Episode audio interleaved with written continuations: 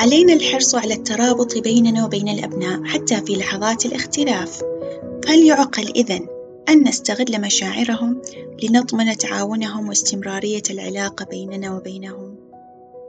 معكم ابتسام الوردي وأقدم لكم بودكاست وعي وتربية.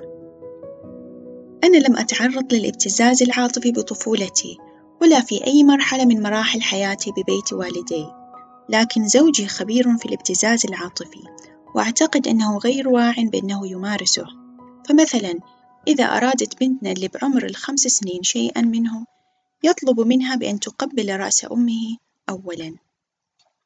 لتحصل على ما تريد، يقول لها في الكثير من الأحيان أنه سيأتي بفتاة أخرى بدلًا عنها إذا لم تنفذ ما يريده منها، أو أنه سيتخلص من سريرها إذا رفضت النوم، ويكرر دائمًا أنه لا يحبها إذا لم تقم بما يطلبه منها. هذه رسالة من إحدى الأمهات اللي تواصلت معاي، ورسالة أخرى تقول: أمي دائمًا تهددني بأنها ما راح ترضى إذا ما عملت اللي ببالها، ولأنها كانت تدفع أقساط دراستي الجامعية فكانت تهددني بأنها راح تقطع عني تعليمي وما راح تكمل دفع الأقساط، إذا طلعت مشوار ممكن تكرر إنها ما راضية عني فيؤثر كلامها علي وممكن أظل طول الوقت خايفة، كنت أحس بالاضطهاد وإنه هناك من يتحكم في وكان الأمر يضايقني كثيرًا. قصتين فقط من عشرات القصص اللي وصلتني عن موضوع الابتزاز العاطفي، فما هو الابتزاز العاطفي؟ وهل يعقل أننا كمربين وأهالي نمارسه؟ ولماذا نمارسه؟ وما الأثر اللي يتركه في أبنائنا؟ وما البديل للابتزاز العاطفي؟ الابتزاز العاطفي هو عندما يستخدم شخص ما مشاعرك كطريقة للتحكم بسلوكياتك وإقناعك برؤية الأمور بطريقته، بمعنى أن يستخدم الشخص كما تذكر سوزان فورد في كتابها الابتزاز العاطفي أربع استراتيجيات وهي الخوف والرغبة في الالتزام والشعور بالذنب أو تأنيب الضمير أو العقاب العاطفي لكي يكسب تعاونك. قد يستخدم كل هذه الاستراتيجيات في وقت واحد أو واحدة منها، وينجح ذلك لأن المبتز عاطفيًا يدرك تعلق الفرد الآخر به أو بعلاقته به، ويفهم نقاط ضعفه وبالتالي يستخدمها ليرضخ الطرف الآخر. هل يستخدم الوالدين الابتزاز العاطفي؟ نعم، بحيث يقوم بعض المربين باستخدام التهديد لزرع الخوف أو إشعار الطفل بتأنيب الضمير أو التلاعب بفكرة الالتزام والواجب أو معاقبة الطفل عاطفيًا. إذا ليس الضرب فقط ما يشعر الطفل بالخوف والفزع، لكن التهديد بالتلاعب بالمشاعر يترك نفس الأثر. يكفي بأن تقول له لا أحبك إلا إذا نفذت طلبي، أو سأنزلك من السيارة إن لم تتوقف عن البكاء، أو ستقتلني بسبب مشاغباتك، أو سأتركك إن لم تنفذ ما أطلبه منك، وهكذا. قد لا نعنيها حرفيًا لكن الحقيقة أن الطفل يفهمها مثل ما هي، ولا يدرك نيتك من ورائها.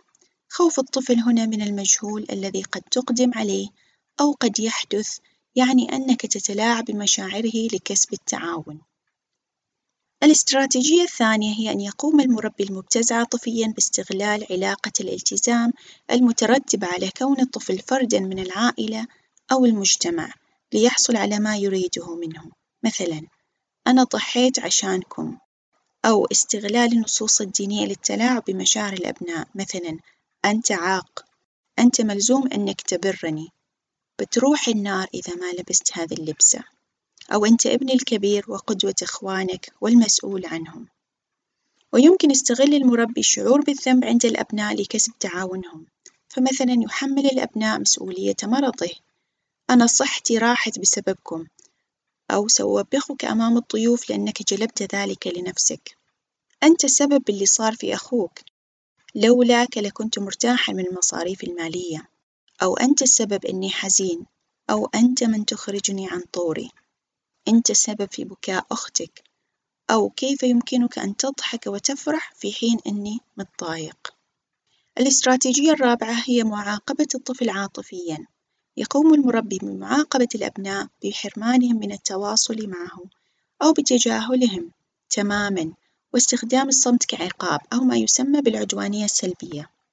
وهنا يقوم المربي بالعادة بدور الضحية وتذكير الأبناء أنهم السبب في استخدامه لهذا الأسلوب قد ينقطع المربي عندها عن الحديث مع الأبناء ويتجاهلهم تمامًا أو قد يلجأ بعض المربين إلى أسلوب عقاب الذات لكسب تعاون الأبناء مثلًا بحرمان أنفسهم من الأكل. مثال لن آكل لقمة واحدة حتى أتأكد بأنك لن ترتبط بتلك الفتاة.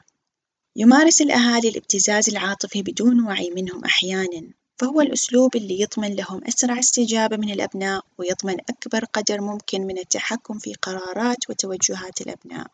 وربما تربوا بين والدين استخدموا هذا الأسلوب معهم فيستمرون بتكراره على أبنائهم. الابتزاز العاطفي أسلوب منتشر في الكثير من الأسر وقد يعرض كجزء طبيعي من العلاقات في الكتب والأفلام والبرامج المختلفة ولأدهى بأنه قد لا يعي من يمارسه أو لا يدرك مدى سوءه أو قد ينكره تمامًا.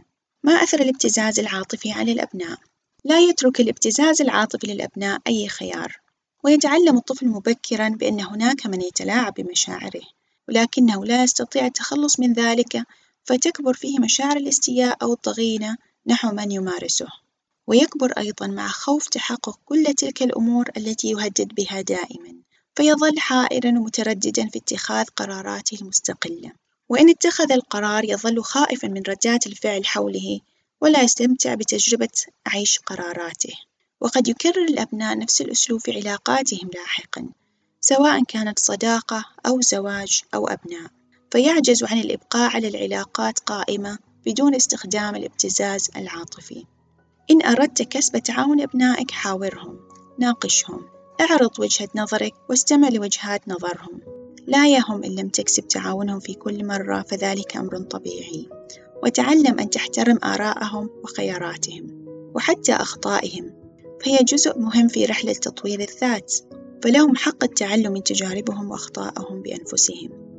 ولا يمكن أن نكسب حب أبناؤنا بالتلاعب بمشاعرهم. فالمشاعر ليست لعبة نبتغي أن نوجهها كيفما نشاء.